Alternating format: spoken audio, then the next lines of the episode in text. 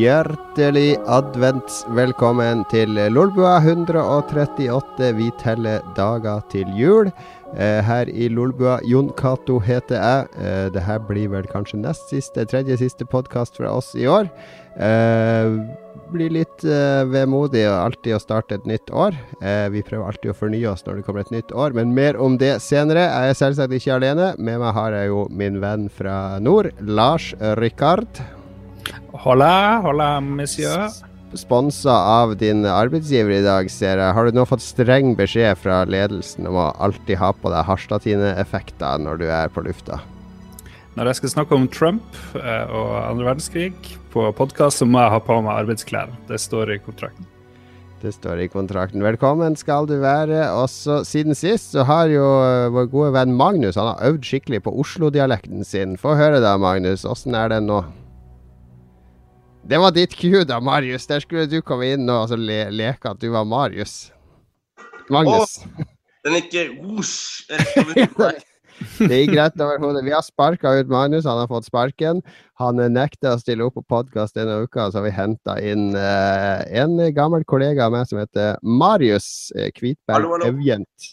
Velkommen skal du være. Marius har ikke fått sparken, men han kunne ikke være med denne uka. Så Marius, du, du kom og spurte oss på en quiz eh, at du hadde veldig lyst til å være gjest en gang i fremtida, og det, det er ikke så mange som spør om å være gjest hos oss, er det det, Lars? Nei, det har vel Jo, det har skjedd et par ganger i det siste, faktisk. Ja, Det er noen Lolbua Entourage-folk som har lyst til å joine. Ja, men det er det. Altså, hvis man er i antor... Altså, det er enten entourage eller gjest. Hvis du har vært gjest, så kan du ikke være med i entourage, ikke det regelen. Så Mats får eksempel ikke lov å være med der. Jeg har vært lyst til å være med her helt siden jeg hørte rykter om at eh, det var noen fra Gamer som hadde slengt dritt meg på Lolebua. Var det det? Ja, det går noen rykter om det. Jeg har aldri hørt det sjøl. Men uh, det gikk et par rykter om det for et par år siden. Uh, øre, og da tenkte jeg at uh, på et eller annet tidspunkt så må jeg også uh, være med på en sending. For å kunne retorte. Ja, Men det er, seg om, da. Men eh, det er hyggelig å være med likevel. ja nei, nå, må, nå jobber hjernen min overtid der. Vi har vel aldri hatt noen fra Gamer som gjest, har vi det, Lars? mm, Tvilsomt. Nei. Og, nei. Men jeg har hatt folk fra Spillegal og, og sånne som er litt mer løsslupne i praten, kanskje. Kanskje var en av de. Mm. Ja, det tror jeg det ringer noen bjeller. Ja, ja, ja. Ok, så det er en beef, det. Altså, vi har rota oss inn i sånn turf war i Oslo her, Lars. Om ikke det er, var en beef, så tenkte jeg at jeg skulle prøve å få til det nå i løpet av sendinga. i hvert fall. Ja, men beef, det liker vi. Vi Mm. er beef beaters her i Lolbua. Velkommen skal du være, Marius. Eh, Du er jo sikkert ukjent for de fleste av lytterne som ikke er skolebarn, for du er lærer, er du ikke det? Jo. Jeg er på andre året nå. Ja. Mm. Lærer i barneskole, ungdomsskole. Ja, det er blitt sånn. Jeg utdanna meg egentlig til, eh, til å jobbe med sein barneskole og ungdomsskole, men eh, Mm. jeg har endt opp med førstetrinn. Ja, men de er veldig, de er veldig entusiastiske og gjør det de blir fortalt, så det, det må du bare kose deg med. Det, det er langt verre når du kommer over sjette trinn. Mm. Ja, det er helt sant, det. Ja, men du, du grunnen til at vi kjenner deg òg, eller meg og Magnus kjenner deg, er jo at uh, du uh, skrev for meg når, eh, når jeg jobba i Game Reactor. Du var en av mine skribenter. Uh, like etter jeg kom inn som redaktør der, så rekrutterte vi en masse nye skribenter, du var en av de da som ble tatt opp som skribent. Og Husker du noe av den tida? Var, hva var det du søkte? Alle måtte jo sende inn en sånn eksempel på en anmeldelse i søknaden sin. Husker du hva du sendte inn? Jeg sendte inn Bioshock. Bioshock 1.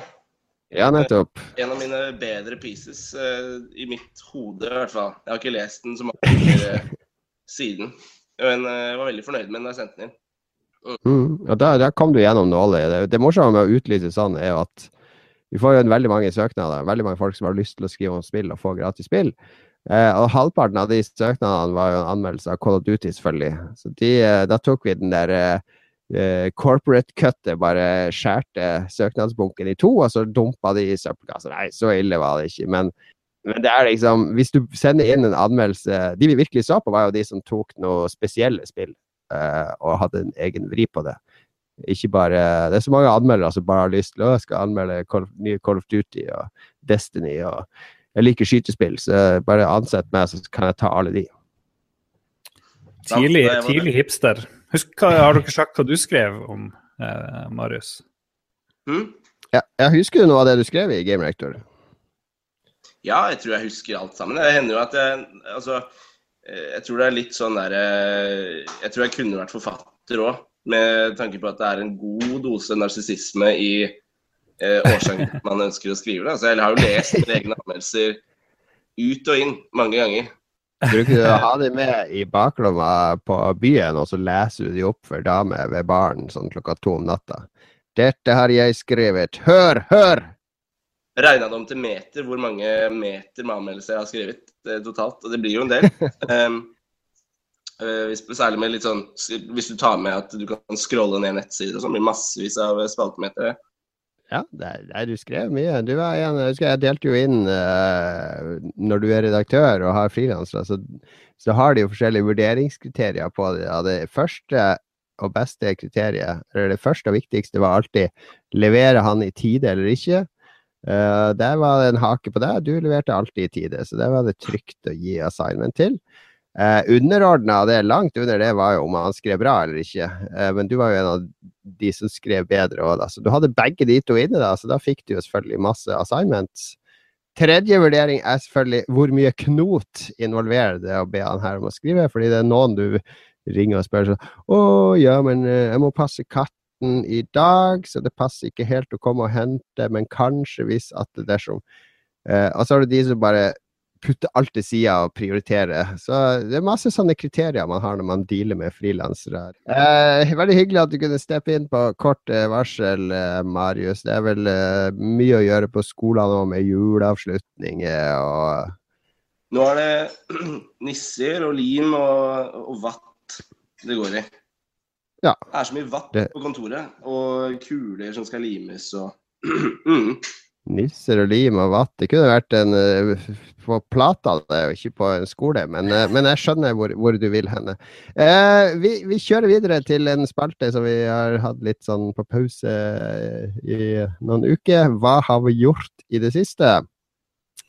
Eh, Lars, har du lyst til å begynne å dele noe fra nord? Det må vel ha skjedd noe der oppe? Jeg ser f.eks. at noe som ikke har skjedd siden sist, er at du har pynta huset til jul. Det er ikke et fnugg av julepynt bak det. Bare, hva er det som er bak ja, se der, ja! Julestjerna er oppe. Jeg hadde besøk av moderen i sted, og jeg sa til henne at jeg visste ikke hvor julestjerna var. Så, så da, da klarte hun å finne frem den i det huset. Altfor store huset. Um, hva som skjedde i det siste? Um, gjort veldig lite. Spilte, jeg har spilt eh, en versjon av Carcassonne som var litt morsom. Uh, noe sånn Mm. her Ark of the Covenant, eller hva nå enn den versjonen heter. Det kan jeg anbefale. Det var litt morsomt. The, er ikke det Indiana Jones? eh, er ikke det der de har Ark of the Covenant? Nei, jeg ser det her borte i hjørnet her. Det heter Ark of the Covenant, og det er, det er en sånn ark du kan bære rundt i byen du lager, for det er Carcassonne, det er bare en mod til det. da. Eh, så kan du bære rundt Ja. denne arken. Så eh, hver gang den går forbi en person, så får du ett poeng. Og så har du ulver og sauer, for det er liksom, du er liksom en hyrde i tillegg. Så kan du sette opp tempel, men da må du ha folk i kors rundt dem eh, for at du skal få poeng. De må worshipe der. Det var gøy. Det er lenge siden jeg har spilt Carcassonne, men det var mye morsommere enn jeg husker at vanlig Carcassonne var. Men det er sikkert bare fordi vi hadde helt nye, nye regler. Ellers så aner jeg ikke. Jeg har sett dårlige filmer. Jeg har sett den der eh, 3 %-serien fra Brasil. Den kan jeg anbefale litt. Den er litt morsom.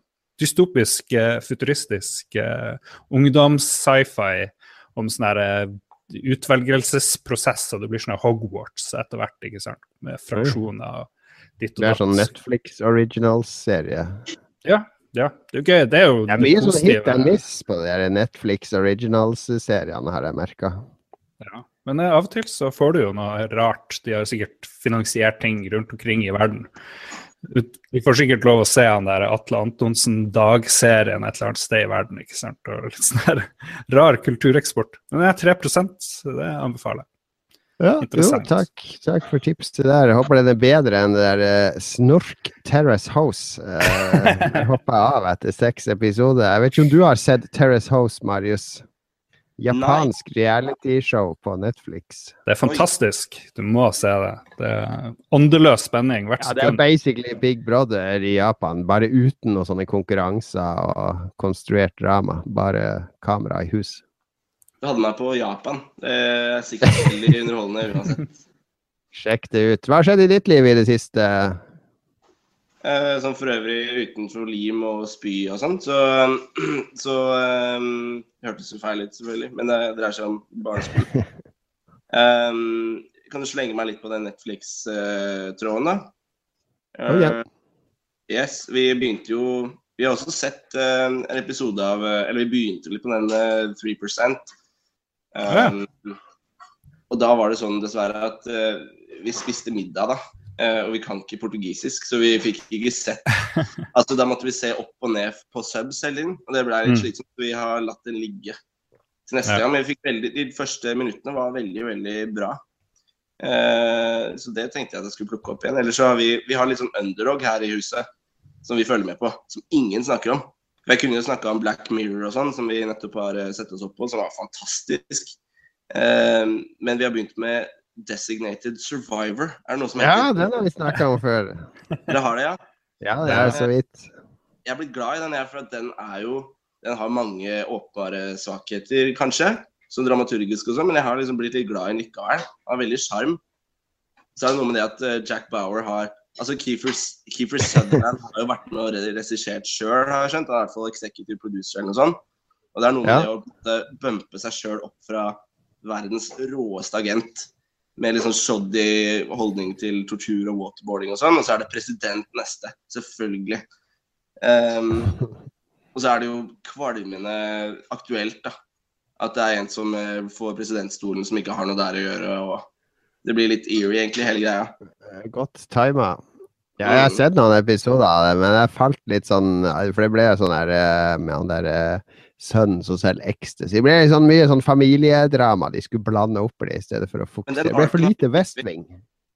Mm, Mm. ja. Men det er jo litt sånn rar kombo, for det ene er CIA som skal etterforske, eller FBI, og så har du han presidenten som går og liksom bare ikke kan noe som helst. Jeg føler at det er en preview på Trump sin, eh, sin presidentskap, egentlig. Mm.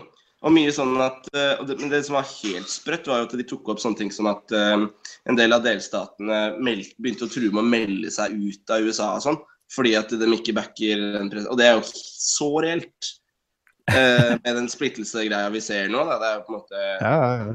helt spesielt. Og den måten Jack Bauer, president Bauer løser det på, er jo å arrestere den senatoren som ja, ja. Og det er jo også som tatt rett ut av håndboka til Trump, så ja.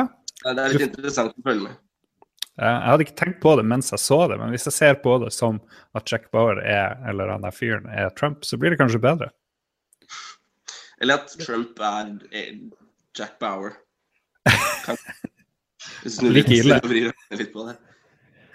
Ja, nei, jeg eh, det, Kona mi jeg, jeg har det ofte sånn at jeg starter på nye serier sammen med kona mi, og så eh, tre av fire ganger så hopper jeg av etter to episoder, så kan hun fortsette å se på dem mens jeg sitter oppe og spiller i stedet. Eh, er, jeg, jeg sliter med å, å hekte meg skikkelig på serier, det må jeg innrømme. Men eh, Marius, du sa noe om eh, Pumping Iron-dokumentaren før vi begynte sending, som jeg Ja. må høre mer om. Når høstmørket senker seg, så trenger jeg jeg trenger D-vitamin fra sol, og det er jeg nødt til å gjøre kunstig. Så jeg er en av de som eh, går og tar solarium av uh, Ja vel. Det er sånn bakteriebomber. Vasker du de før du legger deg nedpå og sånn? Folk ligger naken på de og svetter og sånn. Tror det er helt irrelevant egentlig hva slags eh, bakteriebomber jeg befinner meg i, så lenge jeg jobber i første klasse. Det Godt poeng. bidrar til immunitet uansett. Så jeg gleder meg til jeg er 50, for da eh, blir det ikke noe mer forkjølelse, regner jeg med. Eh, poenget var at eh, da trenger jeg en del sånne boosters eh, i hverdagen når det er mørkt. Og pumping iron det er en sånn tradisjon som jeg har hvert år at jeg må se. Eh, for den er jo, jeg vil si, helt up there blant verdens tidenes beste lagde lagd filmer. Um, Ja, du må fortelle hva det er for de som ikke vet hva Pumping Iron er for noe. Det er en dokumentar fra mm, jeg tror det er seint på 70-tallet. Altså Alle vet at tiår de blir jo mest karakteristiske etter at det har blitt fem. Altså 75, 76, 77. Mest 70-tallsåra. sant? Mm. Uh, og midt oppi der, det er høyden av karrieren til eh, Arnold Schwarzenegger. Han er 27, har akkurat vunnet Mr. Olympia, jeg tror det er for sjuende gang. eh, og skal, er i opptreningsfasen til siste. Og han skal legge opp etter det. Um, så dokumentaren dreier seg om at, uh, at Arnold trener til sin siste uh, Eller Mr. Universe, da, er jo det han trener til akkurat da. Sorry, jeg sa Olympia. Men eh, samtidig som han mentorer uh, Lou Ferrigno, som skal ta over etter han. Og det gjør han på en veldig Arnold-aktig måte. Altså, dokumentar, dokumentarvinklingen her er at eh, eh, dokumentarskaperen aner ingenting om bodybuilding, og bodybuilding er ganske obskurt eh, på 70-tallet. Eh, får man inntrykk av, i hvert fall.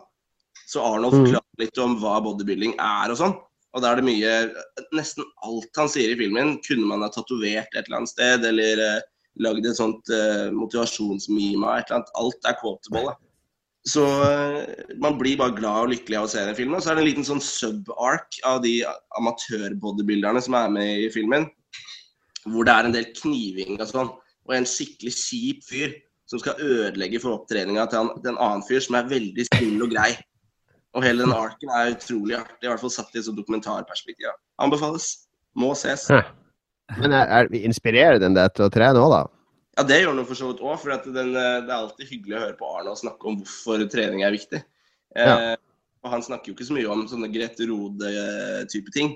Han snakker jo mer om at man er Han ser på seg selv som en eh, skulptør. Han har samme mindset som en skulptør. ikke sant? Hvis han mangler litt rare delt, så trener han mer rare delt. Eh, han skal bygge seg som en, eh, som en statue, liksom. Og det er på en måte et sånn rent overfladisk syn på trening som, eh, som jeg syns er litt eh, artig å, å ha. Fordi det blir så mye pes om det er sunnhetsgreiene.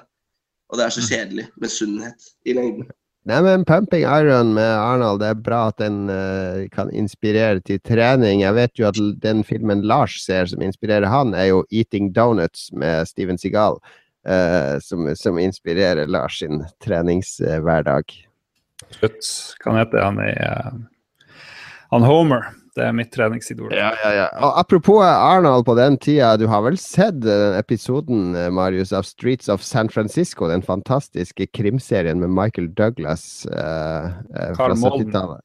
Carl Molden og Michael Douglas, der Arnold Schwarzenegger i en episode er morderen. Nei, jeg har ikke sett den. Det er hørtes All Alright, da, når sendinga nå er ferdig, så skal du gå på YouTube og søke på Arnold Schwarzenegger Streets of San Francisco. Da får du hele scenen når han dreper jenta, og det mest imponerende er at han, han rister en dame i hjel. Sier 'Don't laugh at me, don't laugh, don't let you laughing'. ah!» Og så rister han også så hardt i senga. Jo, jo, men det klippet, har- har jeg sett. Ja, det har jeg sett. ja, ja, ja. Det er klassisk. Klassisk eh, ja, da, det, vel, det er ikke debuten hans, tror jeg, men det er når han begynte å stikke tåa i skuespilleryrket. Eh, Føyer seg inn i rekka etter at han eh, i Konan så eh, kliner han jo ned en hest. Det er noe av det første han gjør. Eh, Gjelder å sette presedens fra første øyeblikk. På samme Mm. film så, så eh, Han eh, slår jo til en medskuespiller med det han trodde var et eh, lekesverd, men det er ikke det. For de hadde ikke råd til props, så de måtte, de måtte bruke et ekte sverd. Eh, kom det tommelen, tror jeg. Eh, på ordentlig. Og det er tatt med i filmen, for det var litt sånn autør som regisserte det. Ok. Jon, hva har du gjort i det siste? Har du sagt det? Eh, Nei, jeg har ikke sagt det. Jeg kan godt det. Har du noe i det hele tatt? eh, Ingen som hadde lyst til å si egentlig noe, egentlig, følte jeg i dag. Fra mitt uh, utrolig spennende liv. Nei, jeg har vært uh, uh, jeg Det er jo hans nære hva vi har gjort i det siste spaltet. Jon. Jeg har vært på um, eh, Natt på museet. På Teknisk museum i Oslo. De Mm. hadde Aftenposten Junior hadde et arrangement der som de kalte for Natt på museet. Der barn og eh, ja, barn fortrinnsvis med foreldre kunne dukke opp eh, klokka syv på en kveld. Syv eller åtte, og så være der til midnatt. Med sånn program, da. Så jeg, jeg trodde det skulle bli et sånn skikkelig program der vi skulle gå gjennom med lommelykt eller et eller annet. At det skulle være litt sånn skummelt, sånn som filmen, da. At ting blir litt sånn levende. Men det var det jo ikke. Det var jo var det noe sånn der fysikktrylling, og så var det sånn lab der man kunne lage oppfinnelser, og så var det Ben Stiller kommer. rollespill med hun der Vera Michaelsen, eh, der de, noen skuespillere skulle spille ut ungdomsproblemstillinger. Eh, veldig interessant for en seksåring. Eh, men, men det mest interessante var jo at de dissekerte en, en gris da, på scenen. Mm. Så de Wow. skjærte opp og dro ut eh, alle delene fra grisen. Og magesekken og lunge. Blåste luft inn i, inn i lungene på den grisen der for å vise hvordan det virka. Og det var veldig spennende, for jeg hadde med to syvåringer da. Uh, min sønn og en av hans venner, og fortalte at klokka ti så skal de skjære opp en gris, så skal de ta ut. Og det var sånn, de var, de var ikke sikre på om de torde det da. Det ble jo blod og sånn. Men vi satte oss til rette der inne, og du merka spenninga. Spenninga var i taket da, før de rulla inn der bordet, og så var grisen under en sånn presenning da. Og vi sa, under der er grisen, og sånn, og så tok de den av. Og det var, var jo litt spennende. da. Det er jo litt spennende med blod og gørr og guffe. Når de tok Mm. ut levra, da, så sier jeg ja, det er den de lager leverpostei av. Og da, Han har ikke spist leverpostei siden, da, så jeg tror jeg ødela Han var veldig glad i det før vi sa den grisen. Men etter så har han styrt unna leverpostei. Så han spiser kaviar, da, så jeg har ikke fortalt deg hvor kaviar kommer fra ennå. Eh, men eh, ja, det, det var jo for eh, morsomt å, å tusle rundt på et museum om kvelden, da. Men jeg følte det kunne vært litt mer program, og vi var jo Det er jo alltid Når du får unger og skaper sånne ting, så er det jo Vi er jo så mange foreldre som bare står og reker bak som sånne dårlige NPC-er som bare står i veien for ungene. Så jeg føler ungene må få enda mer plass når de først skal få lov å Mm. boltre seg med, med sånne ting. Du må ikke ta med ungene dine på mer sånt, for de blir ender jo opp som veganere hvis det blir natt på museet to, og så kommer det plutselig en struts, eller jeg vet ikke, noe mer sånne eh, ting folk begynner å spise mye av. Ja, Det er en veldig god idé å, å vise hvordan en gris eh, Eller hvordan, hvor ting kommer fra. da. Jeg føler eh, litt sånn eh, begreps... Realitetsorientering hører med i barneoppdragelsen.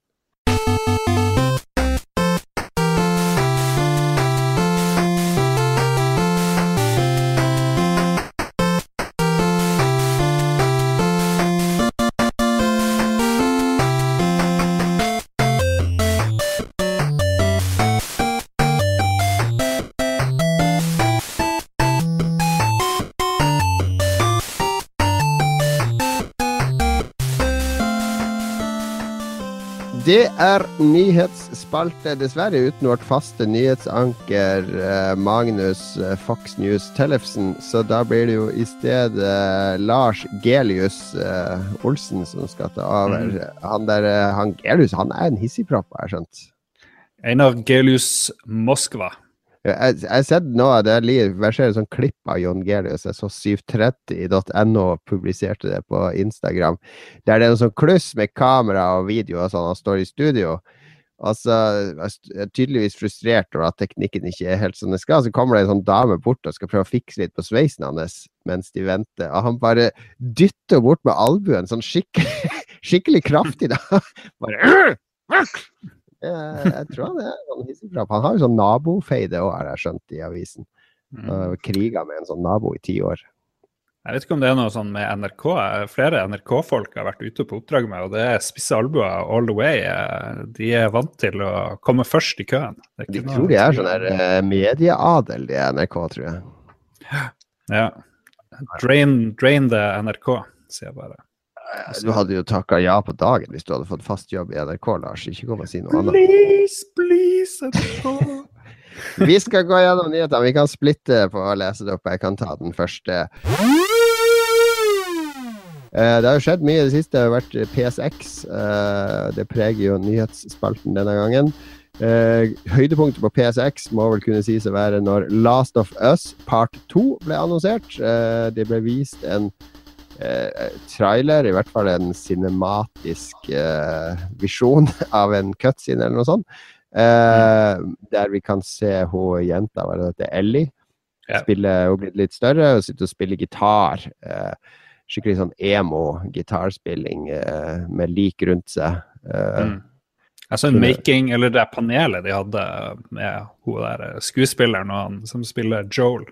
Og hun drev, hun var for, for flink å spille, så hun måtte ha en sånn her dialektcoach til å lære seg å synge sånn som karakteren Ellie ville sunget. Det var veldig, og så snakka de jo bare om hvor mye de gråt og sånt når de skulle gjøre den der rollen igjen. Så det er mye feels eh, blant skuespillerne. Det var litt too much. Det var som å se Therese Johaug på pressekonferanse. ja, Therese Johaug dukker kanskje opp i spillet òg, da. Hun er jo arbeidsledig nå, har jeg hørt. Så eh, en, en, stund. Så hun er tilgjengelig for både mocap og, og voice acting, helt sikkert. Men ja, tidlig, tidlig i utviklinga, sa de, så vi snakker jo om 2018-2019 her, tipper jeg. Er du Last of Us-fan, eh, Marius? Eh, fan av greia. Eh, en av de som ikke har spilt det, rett og slett. Ja, Du har ikke det, nei? Du har spilt en charter, da? Nei, men du, jeg var jo sånn Jeg var Xbox-fanboy jeg, på den tida der. Uh. Jeg, har bare, jeg har bare nettopp bytta til, til, Sony i den generasjonen her. Ja, jeg veit at det er gitt ut i HD i etterkant, men men mm. så langt har jeg ikke kommet, rett og slett. Det er for mye leveling i andre spill som må gjøres. Men jeg er jo veldig, veldig aware av det som fenomen. Det er. Ja, det er vel verdt å spille igjennom. Det har et narrativ og et gameplay som jeg syns er mye mye bedre enn Uncharted, men nå er jo jeg den store Uncharted-hateren i Lolbua, da. Mr. Hater. Jeg Skal ikke jeg være Mr. Metoo, men jeg prøvde HD-remaken av Uncharted 1 og 2. Uh, eh, og da fikk jeg med en gang sånn derre gamle EO, Active, EO Interactive-titler uh, som Freedom Fighters og sånn, fikk veldig den vibben. Uh, ja, det, det var, kan hende de har eldes litt dårlig, de første. Der. Ja, det, de har det. Det var på PlayStation 1, liksom, så Men, um, så, men uh, treeren er jo legendarisk, sånn sett, da. Så jeg burde jo burde vel engasjere meg. Men ja. Fireren er det nå som er legendarisk. Treeren er vel det svakeste, tror jeg de fleste er enige om, sånn uh, spillmessig. Fireren, men fireren er verdt å sjekke ut hvis du har en PlayStation 4, altså. Men det er jo en uh, forgylt walking simulator. Uh, sorry, vår sjef Jostein. ja, det er grei å se. Blir bedre etter hvert. Ta bare en fem-seks timer, så blir det bra. Men apropos Uncharted, kan vi hoppe rett på neste uh, nyhet. Et nytt spill i Uncharted-verdenen er annonsert med Chloé i hovedrollen. Spillet skal hete The Lost Legacy og skal komme en gang i 2017. Det er vel en sånn expansion. Den varer bare en par timer, tror jeg. Det ja, det, de det ble klart at det var en expansion. Og de visste jo ti minutter med å gå i stiger og trapper på eh, PSX. Og da har vi jo sett sånn ca. 7-8% av spillet allerede, hvis den var i to timer. Var, jeg og du så jo det her i lag på hver vår kant av landet. Jon Cato. Ja, vi så ganske fort at det var Naughty Dog-spill. Det ser jo bra ut. Det er jo ingen som får ja, det til å se. Det ser bra ut, men uh, samtidig så Jeg syns det så litt kjedelig ut, jeg må innrømme. Og så nyheten Jon, som du har venta på hele livet ditt. Parappa the Rapper oh, yeah. blir remastered og Full Trottle, som jo begge er store favoritter hos deg. er det ikke det? Husker da jeg var i Japan, så fikk jeg beskjed om å kjøpe Parappa the Rapper-toaster eller et eller annet. Ja, brødlister. Brødlister, Jeg Fikk dessverre aldri kjøpt det. Jeg har dårlig samvittighet for det enda, for jeg hadde jo bare tre måneder på meg til å få kjøpt det inn. jeg er stor, stor fan av Parappa the Rapper. Jeg hadde jo Jeg har jo faktisk Jeg kjøpte jo bilder av han Rodney Greenblatt, han som har designa alle figurene. Det kjøpte jeg på nettet, som jeg har ramma inn og, og, hengt opp i, i, gangen her nede. Signert av Greenblatt. Det er ikke Parappa-bildet, men han har laga masse annen kul, fargerik kunst. Mm. Uh, og Parappa var amazing når det kom på PlayStation, fordi uh, Husk at PlayStation var Det kom sånn rett etter Super Nintendo. Og, og når det der eh, cartridge-hegemoniet gjorde at alle spill var sånne safe plattformspill, og det var veldig lite innovasjon på konsoller, og med PlayStation så var det sånn Ok, det er så mm. billig å lage spill til den, og vi får lov av Sony, så la oss lage noe et tullete hermespill der en tegneseriefigur rapper det var bare så forfriskende å se sånn galskap bli gitt ut på konsoll. Ja, De viste jo òg scener fra remaken av Crash Bandicoot, og det så ikke så veldig bra ut. Det må jeg, si. Det så litt kjipt ut. Herregud, jeg har alltid hata Crash Bandicoot. Det går ut fra at vår eh, tidligere Xbox-venn eh, Marius også eh, aldri har hatt noe forhold til Crash. Ja, vi hadde, hadde en kompis med PlayStation 1 da jeg var liten. Han hadde Crash. Um, Jeg syns det var bra da det kom, da. Det må jeg si. ja, det var, funket, det var mest en sånn partygreie som man dro fra når det var andre kids der. Vi var jo små, så liksom vi, Men vi prioriterte ikke det på den tida der. Mer Vi spilte mye The Mission Impossible-spillet spilte vi mye. Ja, For det var sykt bra i mitt eh, bakhode. Eh, det var kanskje ikke det, men uh, vi syns også Tomorrow Never Dies var sinnssykt bra. Uh, og det vet jeg for a fact at det ikke er uh, i ettertid. Eh, Man var ganske dum når man var ung, egentlig. egentlig. Var litt sånn ukritisk. Metal Gear Ja. Solid og sånn, det hadde vi ikke hørt om. Men Tekken 3 spilte vi, ja. Det gjorde vi. Ja, Det er jo kredibelt. Det er kredibelt. Det er kredibelt. Jeg vet ikke, man Ja, setter kanskje- Jeg skulle bare si, Man setter jo pris på Ja. ting når man er liten. da. Det er jo alltid jo nytt, så bare man møter noe nytt og spennende, så er jo det mer enn nok. Problemet vårt er at vi har sett alt før, og så bare må vi se det. En bedre utgave av det vi kjenner allerede. Og så får vi helt sånn panikk og blir skikkelig sjokkert når vi ser noe helt helt nytt. Ser sånn Portal eller et eller annet. Da må du snakke for deg sjøl, for guds skyld. Nei, jeg analyserte dere begge. Eh, et av lanseringsspillene til PS4 var Knakk. Eh, spi spillet fikk kritikk for manglende innhold og dårlig gameplay. Helt berettiga kritikk. Gud forbi at man skal spille det spillet mer nå. Men nå er det annonsert en oppfølger som heter Knakk 2.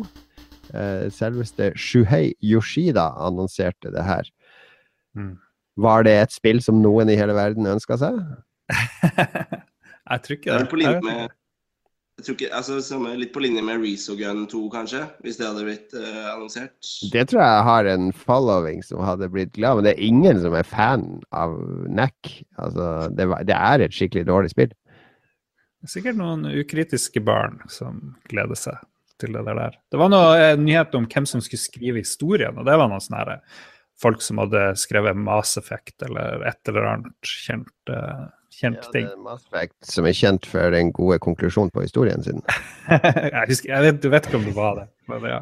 Men eh, ja, Det kan jo bli bra, fordi det første var jo åpenbart prega av at det skulle være ute til launch. Så det var jo det er et spill der du ser at her hadde vi tenkt å legge inn flere features, men vi har strippa det ned til sånn at alt funker, så vi får det ut Mm. til launch. Så, så det, kan jo, det kan jo bare bli bedre, for så vidt. Og jeg må ikke undervurdere NECK. Bare to dager etter de annonserte NECK 2, så runda Sony 50 millioner shippa PS4. Så der Mm. ser du NECK-effekten i effekt. Yes. Jeg bare drev og googla de eh, største nyhetene fra det P6. Jeg følte vi ikke fikk med oss alt. Bortsett fra f.eks. der Patapon kommer jo. Det er jo et fantastisk Vita-spill. Opp til uh, PlayStation 4. Ja, også og så Nino og Kuni 2 var det vel også vist fram der. Det så jo veldig flott Mm. ut. Sånn Ghibli-grafikk og Ja, absolutt. Vi må snakke om Kojima når vi først snakker om eh, P6, må vi ikke? Det er et nytt spill han har lagd, jo. Sammen med fortsatt, Han har den kontrakten med Norman Reedus er visst fortsatt good, så han må lage noe annet. Ja, Ja da. Spille Death Stranding, som hadde en ganske kul trailer med han Mats Mikkelsen. Det, det, jeg, liker, jeg liker måten det, jeg ikke skjønner noe som helst på. Så en video i går om folk som prøver å analysere denne videoen. Det er jævlig mye crazy shit du kan tolke, altså. Det er jæklig gøy. Så er det morsomt at han Guillermo del Toro er med der. Det var vel han som skulle lage det her Silent Hills med, blant annet. Litt hyggelig at det der får en eh, litt ålreit slutt, syns jeg. At ikke det bare blir så er noe av det tristeste jeg har vært borti sånn nyhetsmessig, tror jeg. Ja, det Eh, syns jo han der sjefen for den der Game Awards også. Han hadde jo en tale på tre minutter hvor han holdt på å skrike og gråte. Han Jeff Keeley, som var helt sånn humoristisk, weird. Ah, du har vært gjennom så mye brutalt, og det var så tragisk. Jeg mener, Vi snakker om en mangemillionær som eh, ble sparka fra et selskap. Jeg mener, Vi skal jo faen meg ikke ta det for langt, selv om han lagde en veldig bra spillserie. Så han kommer seg jo videre. Han har fått megahjelp fra Sony, så han koser seg. Han er sikkert bedre nå enn han hadde det i, i Konami. ja, Ja, ja, ja. Vi får nå se. Jeg har ikke sett noe spill ennå. Jeg har bare sett en masse filmer. Eh, så, så hvor mye av det spillet som er ferdig, det vil jeg Men tror du ikke han La, For å si det sånn, Lars, jeg kan, jeg, tror kan? Jeg gir deg tre til én i odds på at det Mm. spillet ikke kommer før 2019. Jeg tar ingen veddemål med det, takk. Etter eh, Nå har du sjansen til å Andreasen. 2019, kom igjen, det er to og et halvt år til. OK, to år til. Vi har en nyhet til, Jon. Nå er det din tur. Nei, var det min tur? Wipeout, Ja, i hvert fall. ja. Kommer til PS4. Nei, Wipeout uh, blir jo kjempekult på PS4. Kanskje til og med blir VR, så jeg kan spy mens jeg spiller. det, det, nei det så veldig, veldig lekkert ut. eh, og Wipeout funker jo alltid, egentlig, men det er ikke det er ikke det samme kanskje forførende sjarmen som det hadde på PlayStation 1. På PlayStation 1 så var det jo helt Mm. totalt amazing. Men så Jeg spilte mye på Vita, den Wipeouten som er der. Eh, det er fortsatt veldig gøy spill. Jeg vet ikke, jeg fikk. Ja, den der snakker vi. Zero er òg gøy. Hadde Nintendo også gøy. 64, jeg måtte spille F-Zero, jeg. Men uh, det var veldig gøy. Ja, men jeg Absolutt. mista veldig Etter at designet slutta å være nytt, og musikken slutta å være nytt, for de kjørte jo på med den her eh, Prodigy og Orbital og mye, mye kul musikk som du nesten det var, det var ikke noe YouTube og det var ikke noe uh, torrents den gangen, så hvis du ville ha kul musikk, så var faktisk spillet en måte å få det på. Nå har liksom den mista alt det som gjorde Wipeout spesielt, nesten det, bortsett fra kjøringa, selvfølgelig, som jo er litt viktig. Ja, ja det, er, det er litt skummelt nå. Det kan kanskje bli masse sånn der uh, uh, dubstep og sånn type musikk. Det Ja. Hvis ikke er skjerma fra det, så er det vel Wipeout, vil jeg tro. Med mindre de har tenkt å gjenopplive psytrance som sjanger. Hva er galt med Psytrance? Det jeg hører på når jeg jobber. Det er fokusmusikken min. Ja, ja. Spotify driver eh, på Discover Weekly. Apropos Psytrance, her kommer jo en låt som eh, Lars har valgt ut, eh, så vi skal lytte litt på før vi går mot slutten av podkasten.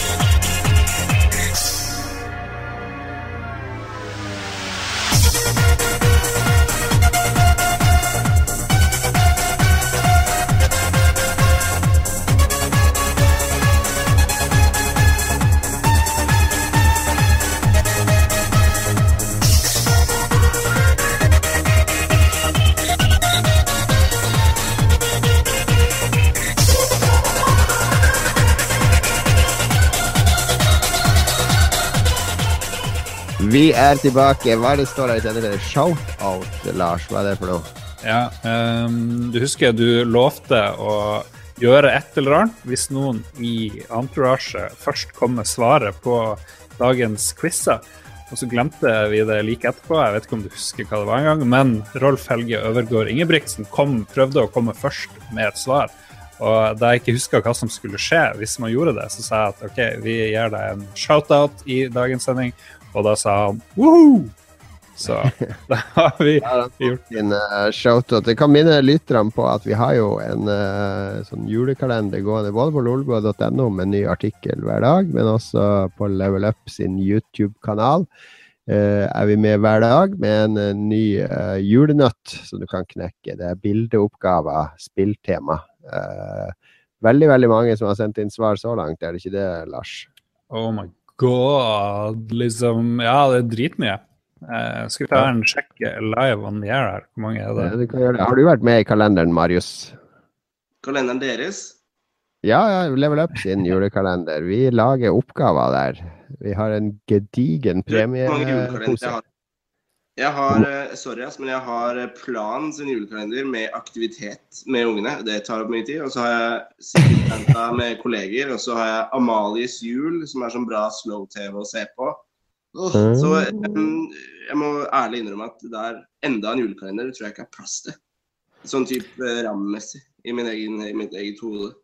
Julekalender-overdose. Hvor mange, hvor mange svar tror dere vi har fått på eh, kalenderen hittil? 1400. 1045, så litt mindre enn du trodde. Men det er ganske mange svar, det vil jeg si. Det er bra. Det er bra. Ja, vi trekker vinner etter, eh, etter i romjula en eller annen gang. Vi skal eh, til siste del av podkasten, der vi skal snakke litt om hva vi har spilt i det siste. Uh, vi har spilt ganske aktuelle spill, alle sammen. Du som er gjest, Marius, kanskje du har lyst til å begynne? Ja. Um, altså, jeg har slengt meg på både um, Jeg vil slå et slag for Titanfall 2. Um, Oh, yeah. Fordi at det er så har blitt så underdog, stakkars. Uh, lansert sammen med Battlefield 1 av samme publisher. Antageligvis med vilje, har jeg tolka meg fram til. Eh, som en måte å sette en dent i Call of Duty sitt salg på, som jeg tror de har klart. Men det er synd for Titanfall, for det uh, Ja. Mm. Men uh, det er veldig, veldig, veldig bra spill. Jeg spiller også Battlefield 1. Uh, Syns det er ganske ganske ålreit. Har en KD der som har blitt ganske bra. Uh, fordi at eh, jeg ble ganske god Litt snikskryt her, ja. Ja, liten snikskryt der. Også, men det som er mest interessant å snakke om, er vel egentlig eh, sesong to av Rainbow Six Siege, vil jeg si. Ja vel, Eh. du spiller det fortsatt? Jeg tror det er ingen spilte lenger. Det er en liten eh, det er en, Eller nei, jeg vet ikke om den er så liten engang, den polen der. Det, er, eh, Det tror ikke vi har snakka om i Lolbua i det hele tatt Nei. før. Det er det Ubisoft-spillet der det ene laget er sånn antiterrorpoliti, og det andre laget er terrorister. Altså skal terroristene forskanse seg i et hus, og så skal poli med å sette opp sperringer og feller og sånn, og så skal politiet bryte seg inn. Er det det? Jeg har en kompis som kaller det CS for voksne. Eh, det syns jeg er en veldig bra sammenheng. Rett og slett. Eh, Rainbow Six Siege er, eh, er fantastisk. Jeg, jeg har aldri vært noen sånn Soulsborne-person, eh, men jeg tror at det der blir min nærmeste Sånn i form av masochistiske tendensgreier i egen spilling. Da. Det er vondt å spille Siege. Veldig, veldig vanskelig. Det er en sånn læringskurve som aldri slaker seg. Det er på en måte bare en vegg av vanskelig. Og så, og så er det jo ikke noe reason. Men er det sånn eh, Problemet med sånne spill er jo at hvis noen skal begynne å spille det i dag, så er det jo det er umulig å komme inn i, fordi alle som har spilt i et år, de er jo Du kommer ikke opp på det nivået uten å bruke fire-fem måneder på å bli knust. Ja, men da har du jo PlayStation Network, syns jeg. altså Butikken der gjør en ganske god jobb med å sette ned prisen hele tida. Så du får jo alltids inn en ny Snart er det jul, og da kommer det noen julenoobs, og det er liksom alltid Det Ja, jo- det er ikke det å kjøpe det jeg tenker på. Jeg tenker på at hvis jeg går inn og spiller det online nå, så blir jeg jo bare overkjørt, og alle lag jeg joiner, kommer til å hate at jeg er med, fordi at jeg trenger tre måneder på å skjønne alt og henge med i de avanserte taktikkene som brukes. Det er litt av, det er litt av magi nå, for at du, du gjør veldig mye for laget ditt bare ved å bruke støttefunksjonene til hver figur. da. Som du er han fyren som eh, har eh, skuddsikre vester, f.eks. Så gjør du ganske mye bare å legge ut de, og så sitter du og gjemmer deg. Eh, så det, du får eh, Ja, hva skal man si? Jeg, jeg har sett folk på helt latterlig høye leveler som gjør nybegynnerfeil, og folk som nettopp har begynt på ranked, som er level 20, da, eh, som plutselig har en god dag, liksom. Så da variablene er så mange at, eh, at eh, Men ja, du blir i stor grad knust, ja. Så du, du knuser jo eh, både motivasjon og blodtrykk og litt magesår. Men, men desto mer, desto mer glede da, over å oppleve litt mestring til slutt. En gang iblant. Mm. Mm. Er det, går det litt på sånn der Har du litt sånn private fantasier om å være antiterrorpoliti sjøl?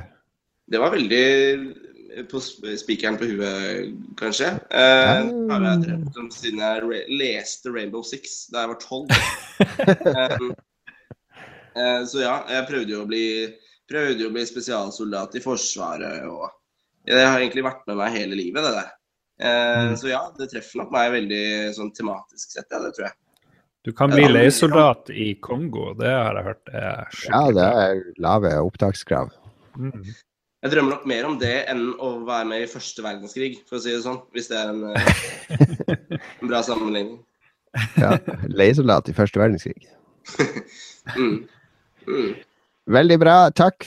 Fikk vi tatt opp et helt nytt eh, Ikke et helt nytt spill, men et spill som vi ikke har snakka om før i LOL-bua. Jeg kan jo ta Du har jo det mest spennende og nye spillet da, Lars, så, så jeg kan jo ta heller eh, Final Fantasy 15, som vi vel har prata litt om før. Eller du har prata om det før. Så vidt. Demoen har jeg snakket om. Ja. Det har kommet nå. Eh, solgt ganske bra, tror jeg. Det så det hadde solgt bare 700 000 eller noe sånt i Japan. Eh, som er katastrofalt dårlig på det markedet i forhold til de gamle. Men der er det ikke konsollspillere lenger. Men det har solgt ganske bra her i Vesten. Um, og det er jo Det er jo sånn tiårs utviklingsspill, er det ikke det? Ja. Jeg tror jeg skrev uh, Det har vært i utvikling like lenge eller lenger som Last Guardian, egentlig. Last Guardian var 2007, og, og det er Final Fantasy versus X et eller annet som ble Final Fantasy 15, begynte de på i 2006. Ja, nettopp. Så det har kommet 20 Assassin's Creed-spill under utviklingsperioden til det her ene spillet uh, som jeg skrev på lolboa.no her om dagen. Ja, nei, det er um, De har jo klart å lage et spill da som er ganske kult, syns jeg. En roadtrip med fire kompiser, der han ene er en prins. Uh, der man er i veldig sånn åpen verden, da der du kan kjøre bil på veiene, og så kan du løpe rundt og utforske og finne skatter og monster og gå på bounty-jakt. Og, og for, for, folk som bare spiller Final Fantasy, og det er en del av de som bare spiller Final Fantasy, og som har venta i mange år på det her, så føles jo det her veldig sånn nytt og superfresht. Men hvis du har fulgt litt med på japanske rollespill de siste årene, sånn som Xenoblade Chronicles og og andre serier, så er jo det, det her utviklinga denne veien har det jo gått de siste fem årene. Så for meg Final Fantasy 15 minner meg veldig mye om en sånn der uh, lettversjon av Xenoblade Chronicles på VU. Det er et ekstremt komplisert spill, men, men, mye av det samme. Du løper i åpne landskap, du kan jakte på monster, og du har masse forskjellige quests. og uh, teknologi og litt sånne ting. Men, men Final Fantasy er jo så mye mer polished. Det ser jo veldig lekkert ut overalt hvor man beveger seg, egentlig. Og um, jeg vet ikke, det, jeg syns de har klart en, gjort en god jobb med å bevare Final Fantasy-stemninga og samtidig modernisere hele uttrykket. Har du kommet langt i spillet? Nei, jeg, har kommet uh, nærme kapittel to, tror jeg, så jeg er jo helt i starten. Uh, jeg orker jo ikke å gå videre før jeg har gjort alle bounties og quests og alt mulig sånn. Men, uh, men nå så jeg jo i dag at, at, de kommer jo med patch til neste år, da, som skal legge til en del cutscenes og endre en del på historien og sånn. Og da tenker jeg skal jeg gidde å spille igjennom da, når, når, de skal gjøre sånne dramatiske endringer, når de ikke er fornøyd med det de har laga? Hadde du lest ja. en bok, f.eks., en ny bok du hadde kjøpt deg, hvis du fatter ja, jeg skal endre eh, det og det kapitlet, legge til noe her og fjerne noe der. sånn. Det hadde ikke jeg da hadde jeg tenkt ok, da, da, må jeg jo vente med å lese den til jeg får den endelige visjonen. Ja, jeg fikk litt samme feelingen, at hm, her kan man like godt bare chille. Men uh, ja, gud vet. Kanskje jeg ikke gidder å anmelde det med det første, for det tar jo 10 000 år uansett. Og ja, det er det veldig, veldig stort. Og så må, må, jeg si det som irriterte meg skikkelig, det er jo sånn der eh, Alle Final Fantasy-spill har jo sånn minigame i seg. Uh, Blitzball i Final Fantasy 10 og, og, Jeg kommer ikke på noen andre nå, men i Final Fantasy 15 så finner jeg, fatter jeg en sånn flippermaskin. Jeg vet ikke om du har prøvd den, uh, Lars? Nei, jeg har ikke det er sånn flippermaskin med de veikroene, så jeg går å, jeg kan sikkert spille og flipper et sånn lite minispill. Så jeg trykka på den, da, og det ene flipperspillet varte i 35 minutter. 35 minutter satt jeg der og så skøyt en sånn ball opp i lufta. Det ble jo aldri game over, og jeg nekta å gi meg etter, jeg tenkte sånn, etter ti minutter hvor lenge skal det her være. Men så tenker jeg når jeg er ferdig, så får jeg sikkert en belønning. Så jeg kan ikke quitte. Så jeg bare jeg spilte og spilte, på slutten så hadde jeg bare prøvd å dø, da. Og det, selv det var jo vanskelig. Helt til spillet var over.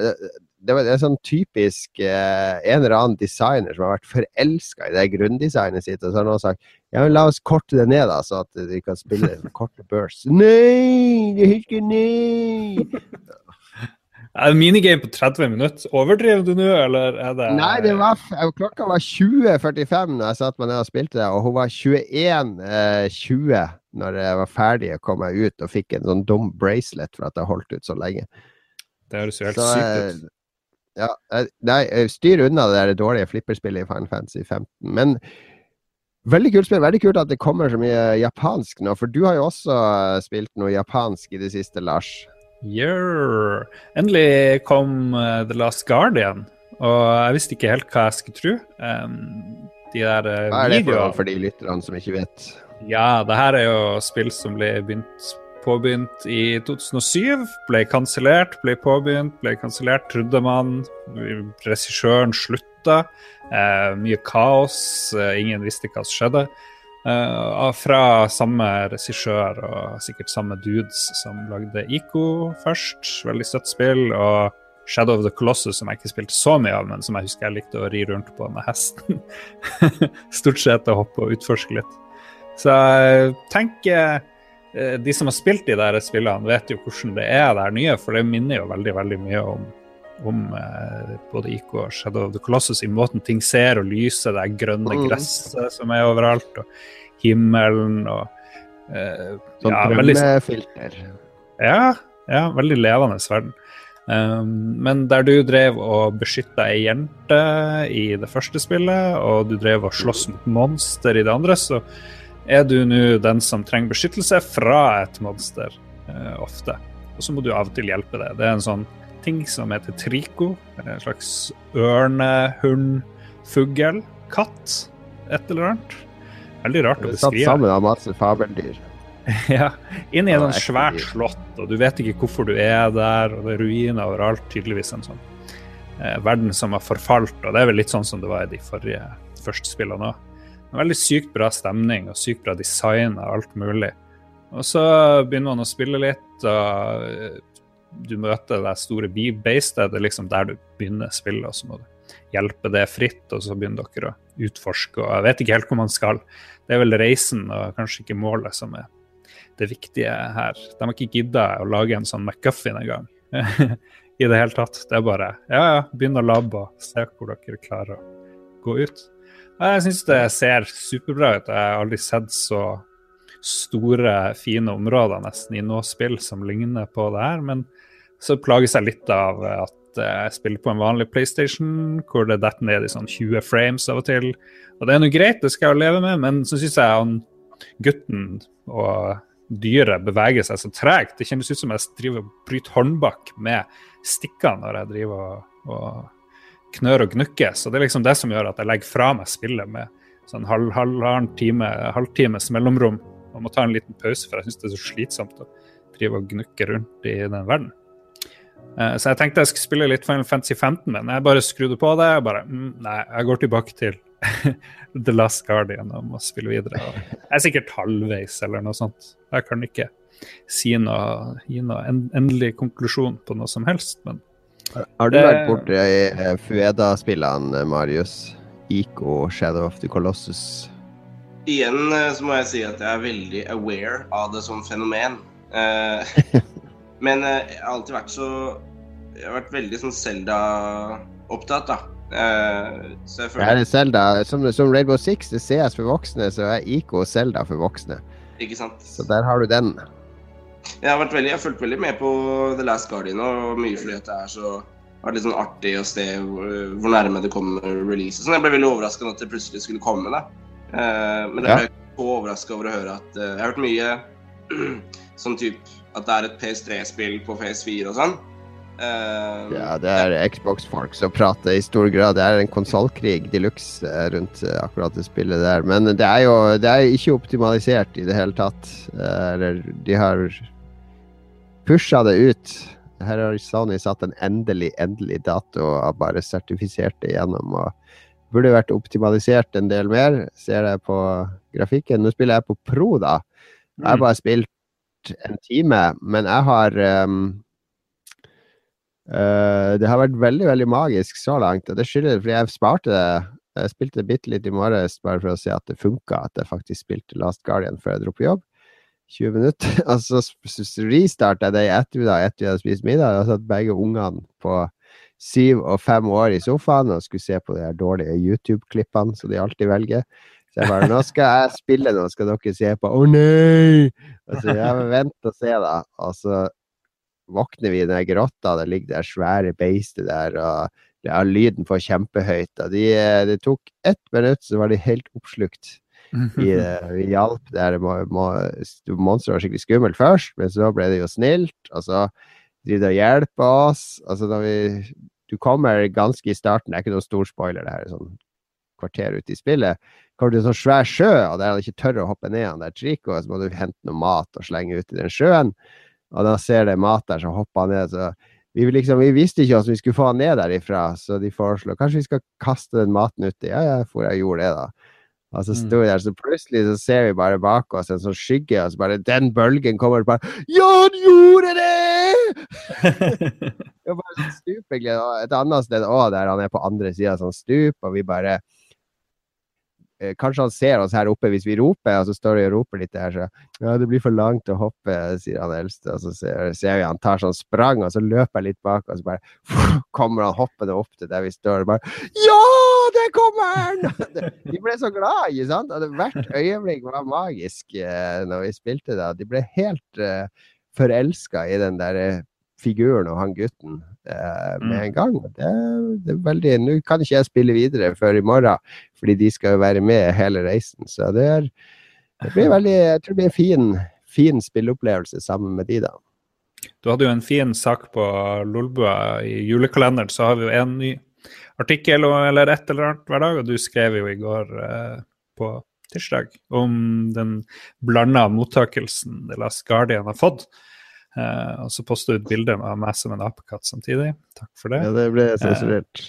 Som ble sensurert. Og så eh, Det deler jo litt eh, kritikerne, tydeligvis. Og det syns du er spennende, så det syns jeg var et godt poeng. At, eh, og det gjorde jeg mer jo- ga deg mer lyst til å spille The Last Guardian. For det er jo ikke sånn skjer, det det er jo ikke veldig ofte at spill deler folk såpass mye som her. Nei, det pleier å være ganske sånn unanimous på metakritikk. Hvis et spill får syv av ti, så har det liksom fått eh, seks, syv, åtte eh, fra alle sammen. Det er veldig sjelden at noen har gitt det ti, og noen har gitt det fire. Men det er jo tilfellet her. Noen gir det toppkarakter, og noen gir det sånn her terningkast tre.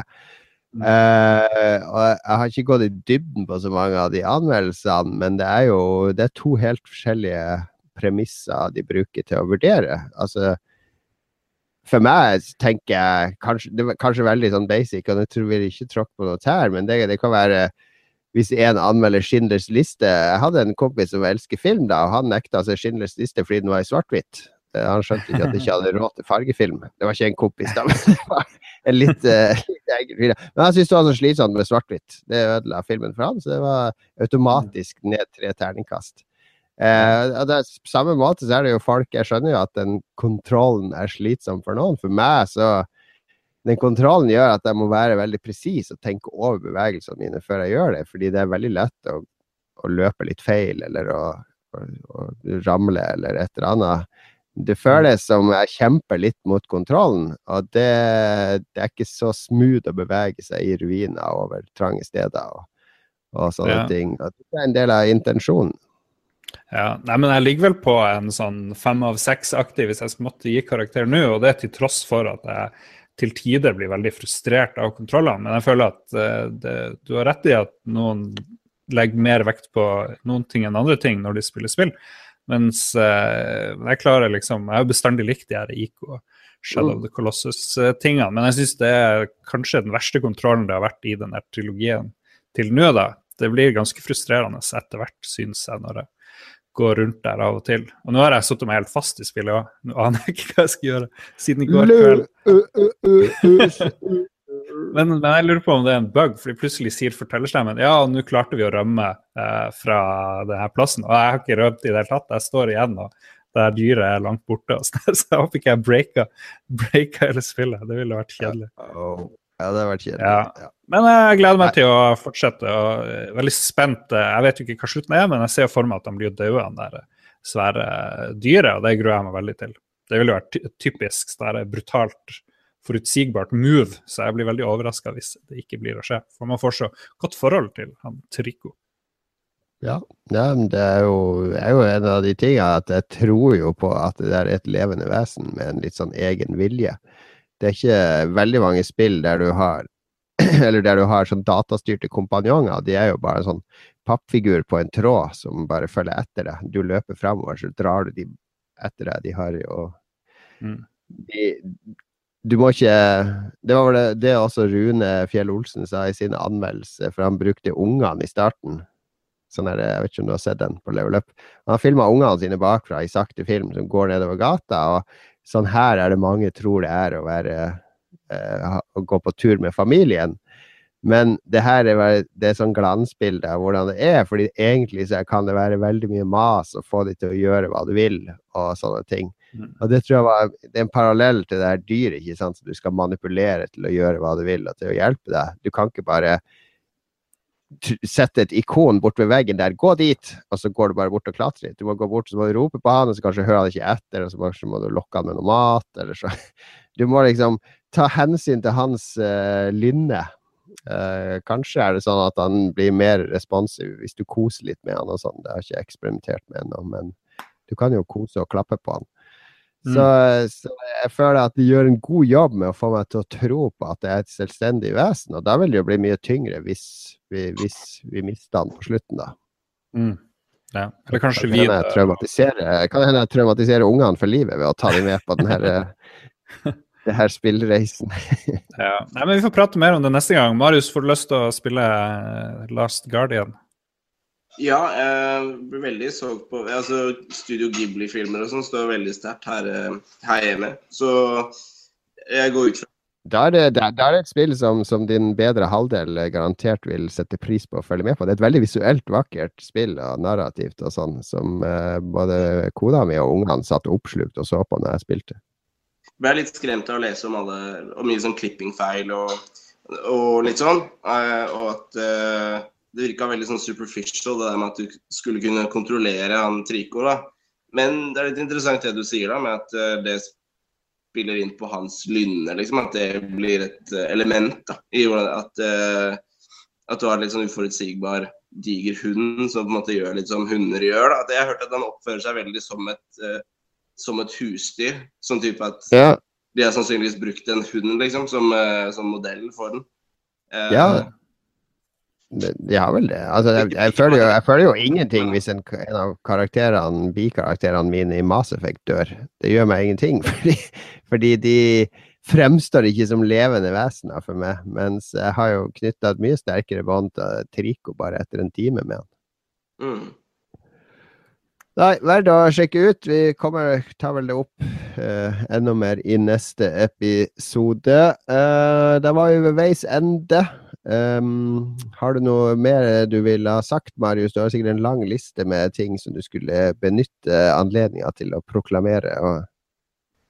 Jeg hadde jo lenger, et lengre segment om, eh, om gamle anmeldelser og sånn. Uh, jeg tenkte jeg skulle finne en eller annen måte å snike inn den gangen da jeg fikk julegave av Jon Cato og Carl Thomas Aarum. Uh, Ja, ja, det, var, det var monopol til Xbox 360 med, med en Post-It-lapp. God jul, smilefjes med blunk, tror jeg. Eh, og sånn helst innen to uker. Um, og jeg, jeg, holdt på en litt sånn mørk hemmelighet angående den anmeldelsen. Eh, Oi. skal jeg komme med den? Ja, ja, ja. Hvis den, hvis den ikke er så mørk at den må sensureres fra lufta. Nei, altså jeg hadde jo nettopp blitt 18 eh, da jeg fikk den der i posten. Og da, eller altså, Det var det halvåret jeg hadde blitt 18. Så det å gå på polet og kjøpe vin og sånn, det var fortsatt noe som var nytt, da, som jeg kunne gjøre. Så jeg gjorde det i anledning eh, anmeldelsen av det spillet der. Så jeg har skrevet mye av den teksten, som for øvrig er en av mine beste, tror jeg. Eh, på ganske sånn stigende form. Um, og det tror jeg gjenspeiles uh, i teksten, i hvert fall hvis du veit det. Uh, men jeg kan anbefale å gå inn og lese min anmeldelse av uh, Monopol uh. For det er kjempeunderholdende. Jeg ligger vel i arkivet på Game Reactor ennå, tror jeg. Ja, jeg har søkt den opp nå. Jeg har lest den nå. Det er, eh, jeg kan røpe så mye at mange av mine beste tekster er skrevet etter flere whisky òg, så det der eh, Kreativitet og eh, alkohol går ofte litt hånd i hånd. Ernest er- Hemingway anmeldte jo ludo og sjakk i starten av sin karriere. Det vet vi jo. ja, mange storheter som har begynt med spillanmeldelser, åpenbart. Nei, eh, vi legger ut en link til Monopolanmeldelsen i episoden på fredag, Lars. Ja, Eh, god idé. Jeg sender deg den på chatten vår.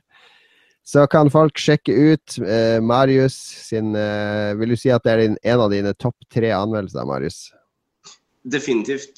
Helt klart. Jeg begynte å bli Jeg hadde en del uh, Etter at jeg hadde fått litt for mange Call of Duty, så tror jeg jeg begynte å bli Jo, for så vidt. Uh, jeg tror nok at uh, det er én av Call of Duty-anmeldelsene mine som er veldig bra. Ja, men vi holder oss til monopolanmeldelsen denne gang, så ja. sparer vi den til en annen gang. Men vi oppfordrer ingen til å gå på polet og drikke en flaske rødvin og så skrive anmeldelser. For, Gud forbi. Uh, nei da, drikk hva dere vil og skriv hva dere vil. Herregud. Dette er level up for voksne, er det ikke det vi blir omtalt som av våre lyttere? Ja, og vi har jo monopol på det å drikke og lage podkast, f.eks. Det har vi definitivt. Det var mye for voksne i dag. Vi har vært innom CS for voksne, Selda for voksne, og nå er det level up for voksne. Veldig bra. Takk for at du stilte opp i dag, Marius. Lykke til med resten av julestria og juleavslutninger og alt sånt. Hva skal du gjøre i jula? Hva er det dere spiser? Er det ribbe eller pinnekjøtt?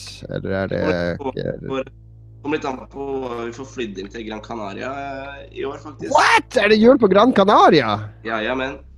Er det tradisjon, eller er det første gang? Nei, du, jeg har, jeg, eh, kjæresten min har litt sånn reisende foreldre for tida. Så de reiser verden rundt i den største katamaranen jeg har sett. Så de har ankra Granca for, for jula. Så skal, vi skal ned dit og besøke dem. Slett. Mm. Ja, jeg trodde når du sa reisende foreldre at det var romfolk, men det, det, katamaran, er litt sånn romfolk pluss. Ja, nei, men da Det blir jo veldig digg, det, da. Det blir ikke å savne blir... snø og Altså, hvis noen uh, har lyst til å prøve åssen det er å trenge ferie, så er det bare å bli lærer. Så, så kjenner man på den. Det kommer ikke ja, ja, ja. Jeg har jo bare sånn tre måneder ferie i år òg, da, så ja, yeah, say no more. Uh, nei da, men da får du i hvert fall uh, nytt litt ekte sol og, og, uh, og henta inn alle D-vitaminene dine. Mm. Du får ha en riktig god jul på, på Gran Canaria, Marius. Tusen takk for at du stilte opp. Um, Lars? Ja. Min mamma ville sagt at det er ikke ferie, det er avspasering. Er det ikke det det heter? Eller noe sånt? Mye av det er avspasering, jo, men det er et veldig her, Så det, det, går opp, skjønner du. Ja, det, er det de påstår. Faren min var lærer. Det eneste grunnen til at jeg ville bli lærer, det var jo at han var jo hjemme hele tida. Så, så jeg ville bli lærer når jeg var yngre. Nei da. Eh, takk til deg og Lars.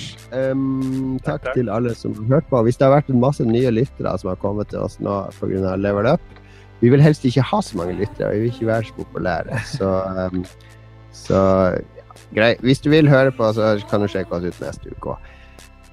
Kanskje får vi til og med Magnus tilbake neste uke hvis han ikke er opptatt med å stappe pølse eller gå på konsert eller uh, kjøre buss til Kristiansand eller hva som nå kommer i veien hver gang. Han har fått nå en skriftlig advarsel for å ha uteblitt. Tre stykk, så er det ut. Ja, så heter jo jeg dama, så jeg kan jo steppe inn uh jeg kan jo mm. prøve å prate litt som han eh, Magnus, hvis det trengs. Neste gang du må steppe inn, så det, skal du være Magnus hele sendinga, Marius. Skal prøve på.